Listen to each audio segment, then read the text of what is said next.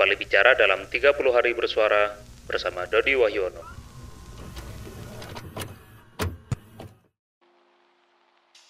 Menjadi pemuja rahasia mungkin adalah satu um, fenomena gitu ya atau uh, aktivitas yang cukup relevan atau mungkin dialami oleh sebagian dari kita.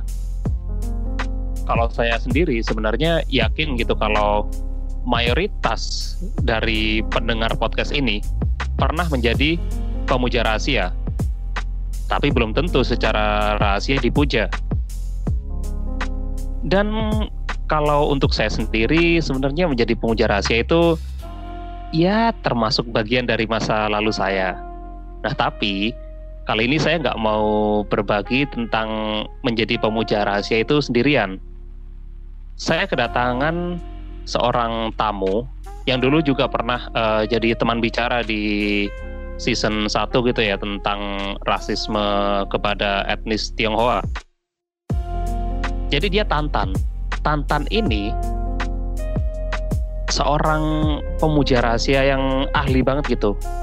Saking rahasianya, dia pernah hampir direkrut sama Badan Intelijen Negara.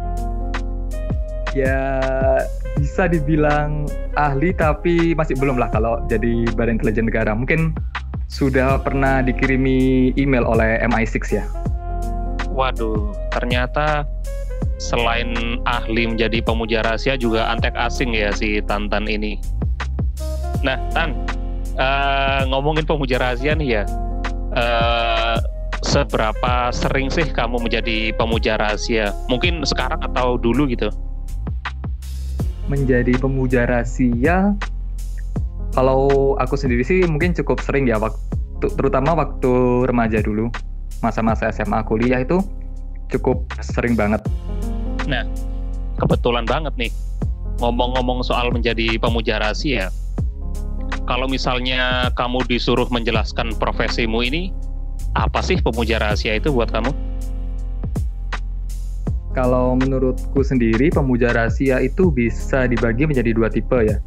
Yang pertama emang pemuja rahasia yang benar-benar mendem perasaanmu sendiri, uh, dan jangan sampai orang yang kamu kagumi itu tahu tentang perasaanmu. Dan tipe yang kedua tuh pemuja rahasia tapi dia masih berani memberikan kode agar uh, orang yang dikagumi itu mau memberikan perhatian ke kamu sendiri gitu. Dari dua kategori tadi, kalau aku sih lebih uh, masuk kategori pertama gitu ya Tan. Nah kalau kamu gimana? Jadi sih lebih masuk ke kategori pertama juga ya, yang emang memendam perasaan dan tidak membiarkan perasaan itu sampai keluar sampai orang lain tahu. Oh, mirip ya. Dan emang uh, kalau kalau dari aku nih, misalnya lagi memendam perasaan terus suka ke orang tanpa ngasih kode-kode tertentu atau ia cuman mengagumi dari jauh gitu, ada kepuasan tersendiri gitu sih kadang-kadang. Apa kamu juga ngerasain kepuasan itu, Tan? Dibilang kepuasan enggak ya, tapi mungkin kalau aku sendiri itu lebih ke arah oh dia itu sempat menjadi teman dekatku. Terus dan secara nggak sadar kamu menaruh perasaan ke uh, orang itu. Tapi kamu tuh juga nggak mau pertemananmu itu terganggu karena adanya perasaan-perasaan itu. Makanya uh, kamu lebih memilih untuk menjadi seorang pemuja rahasia yang emang nggak bakal menunjukkan perasaanmu itu kepada uh, orang yang emang kamu sukai. Oke oke. Ya aku bisa relate yang ini sih yang mungkin kalau konteksnya teman deket gitu ya. Aku nggak mau dia tahu perasaanku yang sebenarnya karena emang ya terlalu sayang aja sih pertemanannya kalau sampai hancur gara-gara dia tahu uh, aku punya rasa gitu ya ke dia. Tapi ngomongin pemujaan rahasia juga nih Tan bentuk-bentuk dari pemujaan rahasia ini sendiri kayak gimana sih? Kalau yang dari jauh kan kita relate-nya yang ini yang cuman mendem doang. Oh, dari jauh sih mungkin banyak ya. Kamu mungkin berusaha untuk mencari misalnya jadwal kuliah yang sama atau apa pergi main bareng gitu ke mana. Uh, tapi dengan teman-teman. Jadi banyak orang tapi kamu masih menaruh perhatian ke uh, satu orang yang emang kamu sukai itu. Jadi ya kurang lebih seperti itu sih. Oh berarti nggak sampai ke ini ya kayak misalnya uh, katakanlah kayak lihat-lihat foto-fotonya di sosmed terus nge-likein semua fotonya terus kalau ada apa-apa dikit gitu kita komen tapi nggak DM yang jelas yang sekiranya bisa dilihat orang banyak gitu itu termasuk bentuk pemujaan secara rahasia nggak sih Tan? itu bisa sih dibilang pemujaan rahasia ya. Jadi kamu sering like foto untuk menarik perhatiannya atau kamu nge-react Instagram story-nya. Tapi kalau emang nge-like semua foto dan ngeliatin semua fotonya yang ada di sosial media itu menurutku kok agak creepy ya. Iya, ini sih. Kadang kan kalau kita menganut satu ideologi tertentu gitu itu bisa jadi ke fanatisme jatuhnya. Ya mungkin kasusnya sama kayak pemujaan rahasia gitu ya. Di mana kalau kita terlalu uh, mendalami profesi itu bisa-bisa kita jadi stalker gitu yang creepy. Nah benar. Jadi kan kita kan tujuan utamanya menjadi pemuja rahasia itu kan uh, hanya ingin memendam perasaan yang kita miliki kan.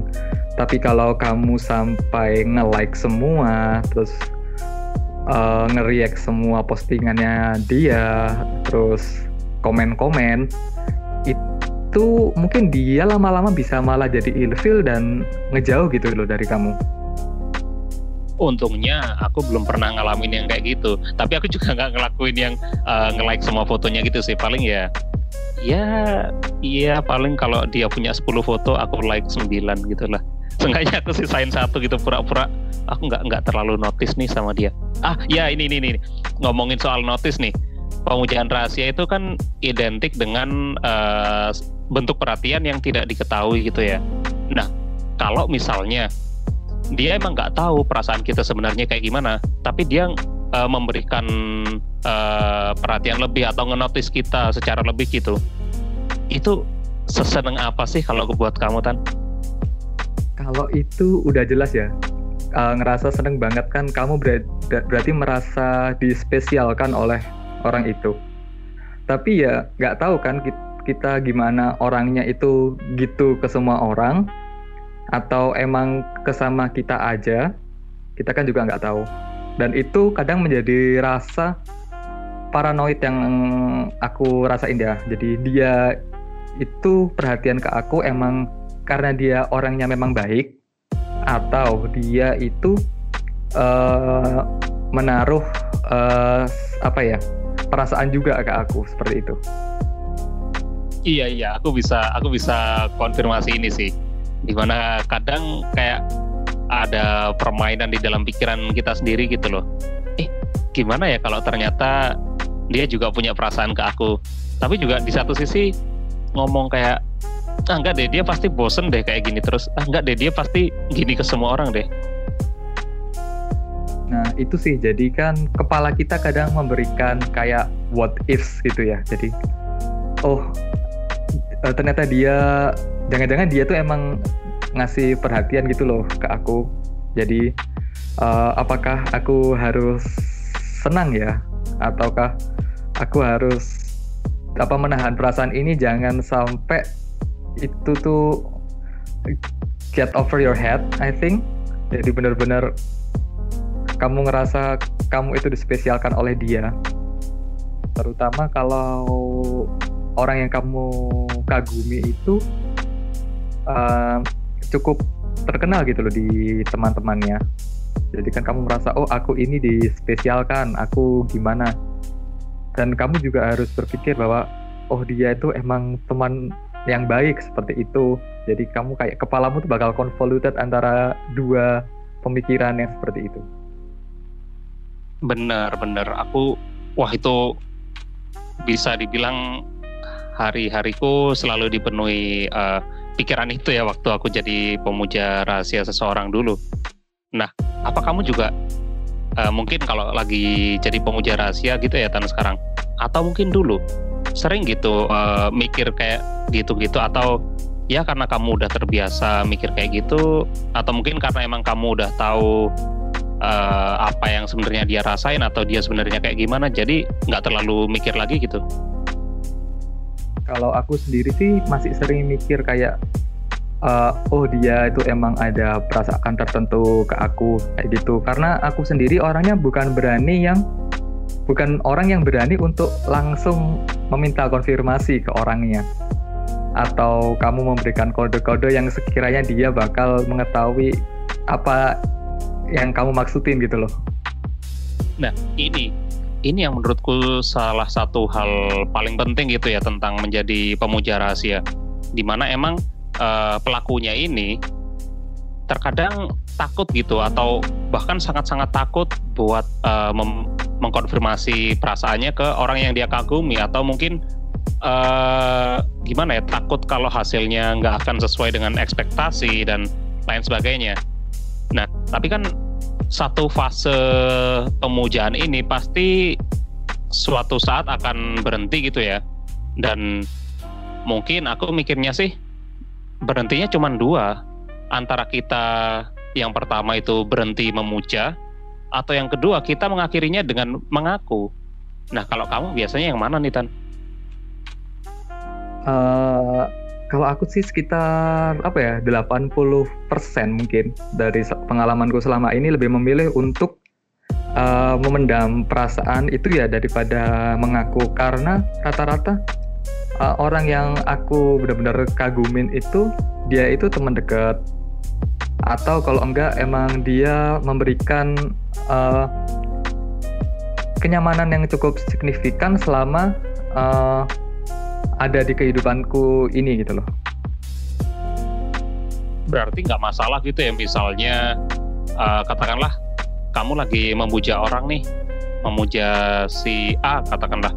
Eh tapi karena kamu nggak pernah ngaku, nggak pernah konfirmasi gitu, akhirnya si A ini jadian sama orang lain gitu dan kamu kondisinya waktu itu masih ada rasa, itu nggak masalah gitu menurutmu? Uh, tiap orang beda-beda sih ya. Tapi kalau aku sih itu resiko yang harus kamu tanggung kalau emang kamu uh, cuman mau memendam perasaanmu aja. Gimana kamu mau jadian kalau kamu nggak pernah nyatain kan? Makanya kalau udah gitu sih aku biasanya cuman oh ya udah berarti emang dia udah dapet orang yang cocok sama dia gitu. Kalau dengerin dari caranya kamu ngomong, kayaknya kamu pernah ya ngalamin kayak gitu ya? Uh, ya bisa dibilang pernah. Nah kayaknya asik nih kalau kamu sharing-sharing ceritamu. Ntar bisa kita apa ya? Mungkin mungkin aku bisa nebak orangnya sih kalau emang aku kenal. Ya boleh ditebak tapi jawab aja dalam hati ya daripada menimbulkan suatu uh, drama dan yang lainnya. Tapi ya mungkin aku habis ini akan cerita deh. Berarti aku kenal. Oke oke oke. Oke silakan cerita kan. Uh, jadi dulu tuh aku sempat kenal ya sama seseorang dan dia itu emang orangnya ramah banget. Uh, dia kalau ada orang baru datang dia dia dulu yang ngajakin kenalan atau misalnya kita lagi sendirian dia yang mulai apa namanya uh, interaksi. Jadi kayak ah mau makan nggak? Yuk kita makan ke sini gitu. Berarti kamu timbul ketertarikan di awal itu karena dia kayak dia sangat-sangat memperhatikan orang-orang di sekitarnya gitu ya. Meskipun mungkin dia nggak ada perasaan khusus gitu ya ke orang-orang tersebut. Iya bener. Jadi dia tuh kayak apa ya dia kebetulan orangnya sangat outgoing banget kan. Jadi dia tuh ngajakin aku buat melakukan uh, sesuatu yang di luar zona nyamanku gitu. Jadi aku bisa nge-improve diriku sendiri, jatuhnya jadi kayak gitu. berarti selain dia ngasih perhatian, dia juga ngasih tantangan tersendiri gitu ya buat kamu yang ngerasa kalau uh, kamu bisa lebih daripada dirimu sekarang gitu ya? Iya benar. Jadi kebetulan waktu itu kan uh, jujuran jujuran aja kondisi mentalku emang agak kurang bagus kan. Tapi dengan adanya dia datang itu, uh, aku jadi berusaha untuk sedikit demi sedikit membangun kepercayaan diriku yang emang sempet jatuh gitu loh. Aku menjadi lebih apa ya? Ada yang menyangga, menyangga aku, tapi dia juga sedikit uh, bergantung sama aku. Semisal uh, eh aku ada kesulitan ini nih cerita dong apa dengerin ceritaku dong gitu. Uh, atau aku ini mau apa ada urusan tapi uh, mau beli-beli barang-barang ini aku nggak tahu ke mana. Kamu mau nganterin nggak? Kurang lebih kayak gitu. Jadi kita sama-sama saling menopang satu sama lain walaupun konteksnya hanya sekedar temen gitu. Kayak ada kesan dibutuhkan sama orang lain itu bikin kita merasa lebih baik banget gitu. Dan aku bisa bisa paham sih kenapa kamu jadi memuja orang ini. Ya bener. Jadi kayak kita oh uh, ada orang lain yang emang uh, butuh kekuatanku. Jadi aku uh, mau berusaha menjadi orang yang lebih baik lagi gitu nah dari sana kita juga makin sering apa sering ngechat atau waktu itu kita istirahat ya kita makan bareng kita pergi ke mana bareng seperti itu sih. Uh, kayaknya ini baru masuk ke tahap perkenalan nggak sih? Pasti kalau kalau sepengalamanku nih kalau jadi pemuja rahasia itu pasti banyak konflik ya rata-rata konfliknya sama diri sendiri sih. Nah itu apa sih yang jadi konflikmu waktu kamu ngalamin ini? Hmm, konflik ya. Jadi yang sebab pertama yang membuat aku jadi paham bahwa oh aku ini emang suka sama dia ketika waktu itu kami pergi ke suatu acara kan. Nah kebetulan itu uh, kan kita acara sama teman-teman.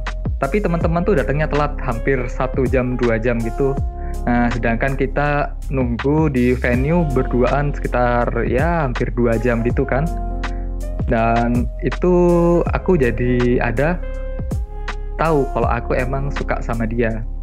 Nah, tapi di sisi lain aku juga tahu kalau dia itu uh, bukan seseorang yang gampang untuk jatuh cinta seperti itu. Berarti awalnya kamu memutuskan untuk jadi pemuja rahasia itu di saat itu juga ya ketika uh, kamu tahu kamu ada rasa tapi kamu juga sadar kalau dia ini orangnya sulit cinta ke orang lain dan kemungkinan besar nggak ada rasa bahkan ke kamu gitu. Iya bener, jadi lebih ke arah dia soalnya dulu pernah cerita kalau aku itu sekarang nggak terlalu mikirin hal-hal seperti itu. Aku nggak mau, aku masih belum mau untuk menjalin hubungan dengan orang lain gitu. Karena waktu itu kan kita sempat kumpul-kumpul sama teman-teman, terus ada yang membicarakan masalah tentang cinta dan aku kebetulan dengar tentang itu. Jadi uh, dia yang bilang ke teman-teman kalau dia itu lagi nggak pingin punya ya hubungan atau berhubungan dengan yang namanya cinta ya. Nah di saat itu aku baru tahu kalau aku nggak bakal, aku tahu bakal kalau kita tuh nggak bakal lebih deket dari teman. Maksimal adalah teman atau sahabat. Nah di saat itulah konfliknya jadi makin muncul gitu loh. Uh, aku aku tuh pengen deket sama dia tapi aku juga nggak mau dia itu eh, nggak uh, suka sama aku gara-gara aku ngecoba buat ngedekatin dia gitu loh. Dengan waktu itu kamu mulai memendam rasa ke dia, apakah uh, jadi ada tindakan-tindakan yang sebelumnya nggak kamu lakukan atau kode-kode yang kamu berikan ke dia kalau sebenarnya kamu ada rasa tapi itu benar-benar halus banget sampai mungkin orang-orang nggak bakal paham kalau itu sebenarnya kode atau uh, tindakan perhatian lebih gitu. Kalau aku sih berusaha sekuat mungkin agar uh, perasaan ini nggak terlihat oleh orang lain ya. Jadi ya seperti biasa kalau misalnya keluar bareng ya keluar bareng kayak gitu tapi kebetulan ada uh, satu teman dekatku yang ngerasa bahwa oh kamu itu kelihatan banget kalau emang menaruh perhatian ke si A ini gitu dan waktu temenmu itu bilang gitu ke kamu, kamu terkejut nggak? Karena kan selama ini kamu simpen sendiri gitu. Ya terkejut sih, maksudnya uh, berarti skill poker face-ku kurang gitu untuk uh, memendam perasaanku dan aku jadi kayak takut apakah jangan-jangan dia jadi tahu sama perasaan yang aku pendam ini gitu. Dengan ketakutanmu kalau kemungkinan besar ya nggak besar juga sih. Kalau ada kemungkinan dia tahu kamu punya rasa ke dia, apakah setelah uh, itu dia jadi sedikit uh, mengurangi untuk uh, berinteraksi dengan kamu atau keluar dengan kamu atau jadi tidak terlalu mengandalkan dirimu lagi gitu untuk hal-hal tertentu. Di saat itu sih dia sama sekali nggak berubah sama seperti biasanya di kita keluar bareng, kita makan bareng, kita keluar sama teman-teman dan aku sendiri yang berusaha untuk ngejauh dari dia. Karena aku tahu bahwa perasaan yang aku rasain ini bakal jatuhnya nyakitin aku di belakang gitu. Justru kamu yang menjauh dengan uh, ekspektasi kalau ya ini nggak akan berhasil dan kemungkinan nggak akan ada ujungnya dan hanya menyakitkan saja di belakang. Nggak ada uh, ekspektasi lain gitu ya. Mungkin ya kalau misalnya ini terus berlanjut dia akan luluh gitu suatu hari nanti. Nah pasti di kepala kita bakal ada kak pemikiran kayak gitu. Kalau aku terus berusaha pasti suatu saat dia bakal suka atau perasaanku tersampaikan ke dia. Uh, tapi entah kenapa uh, diriku sendiri ngomong kalau uh, kalau kamu ingin ngejaga pertemananmu sama dia, ada baiknya kamu sedikit ngejauh dari dia dan sebisa mungkin jangan sampai uh, perasaan ini orang dia jadi tahu tentang perasaan ini karena sudah ada satu orang yang tahu uh, perasaanku ke si A ini. Tapi terkadang ketika kita menjauh, kan dulu sempat kan waktu kita mau pulang kantor bareng itu, uh, aku bilang aku nggak lewat jalan biasanya gitu. Aku mau mau aku mau ke tempat ini dulu. Terus dia tanya, ya udah apa aku ikutan ya gitu. Aku bilang nggak dulu, aku mau sendirian. Aku kan ngomong gitu, sempat ngomong gitu ke dia. Nah besoknya dia sempat juga ngejar loh. Kamu kemarin kenapa? Ada apa seperti ini? Ada masalah apa? perlu cerita atau enggak. Jadi kadang ketika kita berusaha menjauh, ada ya takdir main-main lah sama kita membuat dia memberikan perhatian lebih ke kita gitu loh. Wah iya sih itu itu aduh itu benar-benar menggagalkan tekad gitu ya. Ya bisa dibilang cobaan sih. Aku juga kalau misalnya ngalamin hal kayak gitu juga aduh ini udah ada tekad buat menjauh tapi kenapa dia kayak narik lagi terus ntar aku teringat sama uh, memori kalau dia ternyata nggak ingin ada hubungan lebih lanjut tapi kok dia ngasih perhatian lebih. Ya emang tingkat uh, lebih atau tidaknya satu perhatian itu kan relatif ya dan subjektif banget ke setiap orang. Tapi ya namanya orang ada perasaan pasti ah kenapa sih harus kayak gini? Gitu gak sih Tan? Iya benar. Jadi ke, gimana ya? Dia tuh sama orang lain uh, intensitas berbicaranya tidak seintens sama aku gitu loh. Orang ini bukan aku sendiri yang bilang ya, teman dekatku yang emang tahu perasaanku tuh bilang ke aku. Dia itu loh lebih sering ngomong itu ke kamu daripada ke orang lain gitu. Dan dia emang apa kayak uh, narik perhatian gitu ke kamu. Tapi aku berpikir, aku mikir kalau dia tuh udah sempet ngomong yang nggak bakal masalah cinta itu. Jadi dia tuh nggak bakal uh, berusaha untuk mencari perhatian ke aku. Aku mikirnya gitu. Dan lebih lagi apa namanya temanku tuh sedikit mau kayak apa ya uh, ngemak cemblangin lah. Dan aku malah uh, ngomong ke dia nggak usah lah. Uh, aku nggak mau gara-gara ada comblang mak comblangan ini dia jadi merasa nggak nyaman ketika kita jalan gitu loh. Iya iya sih emang si temen ini ya bangsat yang nggak tahu diri nggak ada akhlaknya emang. Soalnya uh, hasilnya bakalan cuma dua menurutku. Ini hasil yang paling dominan ya. Antara dia si cewek jadi mikir-mikir lagi kalau wah kayaknya iya ya kayaknya bener deh kayaknya dia tulus deh suka sama aku apa aku bales ya. Atau yang kedua malah jadi canggung banget gitu kayak mau mulai obrolan lagi ya nanti dia baper gimana ya? Kayak ah gimana ya? Ah bener. Aku tahu niatnya dia itu uh, biar aku nggak terlalu uh, kepikiran lah sama ini. Biar aku dapat konfirmasi yang jelas gimana maksud hubungan aku sama si A ini. Tapi uh, aku lebih suka kalau ya udahlah biar aku aja yang pendem dia jangan sampai tahu. Dan aku sama si A ini biar jadi udahlah tem temen aja. Temen udah gitu aja. Dan pada akhirnya emang jadi teman aja gitu. Atau pada akhirnya kayak ya akhirnya dia tahu sendiri atau malah dia nggak pernah tahu sampai sekarang? Aku merasa dan aku berharap dia sampai sekarang nggak tahu uh, apa yang aku rasain ke dia sih. Berarti sampai sekarang kamu masih ada rasa dong? Sayangnya iya, sayangnya aku masih ada rasa sama dia dan apa ya di masa pandemi yang kayak gini yang di mana kita sulit untuk uh, berinteraksi dengan orang-orang baru jadi kan kita nggak ada kesempatan untuk uh, apa ya gampangnya kan membuka hati untuk orang lain. Jadi kayaknya kita stuck sama orang yang itu itu aja selama masa pandemi ini. Dan kebetulan dia ya kita masih berkomunikasi walaupun nggak seintens itu sih.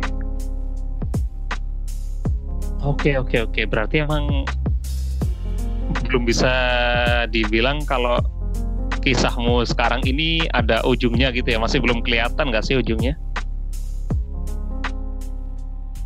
Uh, iya sih tapi aku lu berharap ini endingnya biar tidak ada yang apa namanya biar dia nggak tahu sih tentang perasaan yang aku rasain ke dia. Nah kalau dari semuanya nih Tan, uh, dari awal pengenalanmu, terus munculnya konflik batin itu sendiri sampai pada ya belum akhirnya sih, uh, pada perkembangannya sekarang, kamu masih uh, berinteraksi tapi juga di saat yang sama kamu masih menjaga diri dan masih memendam rasa gitu menjadi pemuja rahasia. Apa sih sebenarnya yang um, kamu pelajari dari ya dari kisahmu yang ini? Kalau kamu siap jatuh cinta sama orang lain, kamu juga harus siap untuk menghadapi kemungkinan terburuk, terutama jika orang yang kamu suka itu uh, adalah uh, teman dekat. Bener banget, dan akhirnya kita harus uh, seakan dihadapkan pada pilihan gitu ya, harus memilih antara ya mempertahankan pertemanan agar tidak berubah atau mencoba untuk uh, mempertahankan rasa yang kita punya. Emang sih, jadi pemuja rahasia itu penuh uh, pahit sama manis gitu. Ya bener banget. Jadi kayak antara ya ini pertemanan kita emang udah apa ya berharga dan nanti kalau aku nyatain perasaan bisa aja pertemanan kita renggang dan ketika semisal kamu terima perteman apa perasaan yang aku sampaikan nanti kalau putus sama aja pertemanannya kan jadi hilang juga.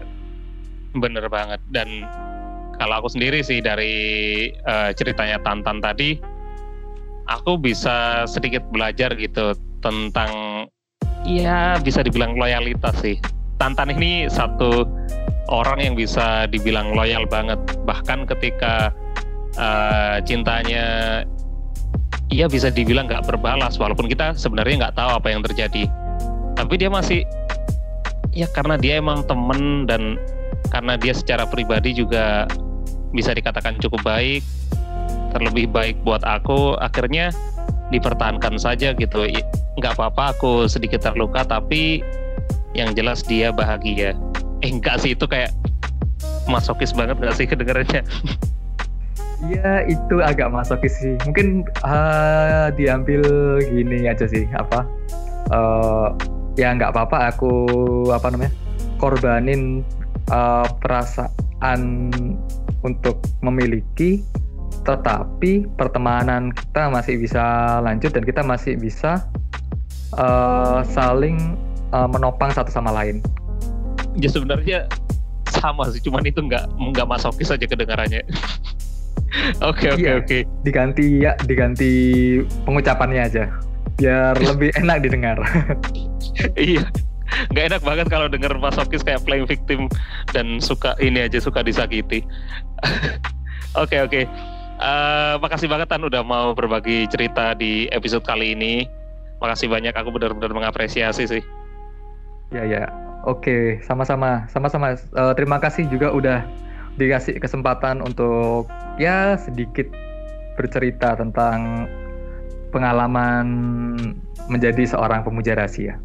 Oke, dan tentunya terima kasih juga eh, kepada kalian ya para pendengar yang udah menyisihkan waktu untuk mendengarkan ya obrolanku dengan Tantan sekaligus ceritanya Tantan. Nah, bagi kalian yang punya cerita-cerita terkait menjadi pemuja rahasia atau malah ingin eh, memberikan komentar gitu ya terkait ceritanya Tantan, bisa banget langsung ke Instagramku @wahyono. Kalau emang apa ada pengalaman serupa atau mau cerita-cerita juga bisa DM ke aku di Instagram @anggirgiantan. Thank you. Dan oke, Uh, sekali lagi terima kasih Tan udah datang dan buat kalian para pendengar bisa terus mendengarkan podcast biasa bicara Desember ini upload tiap hari.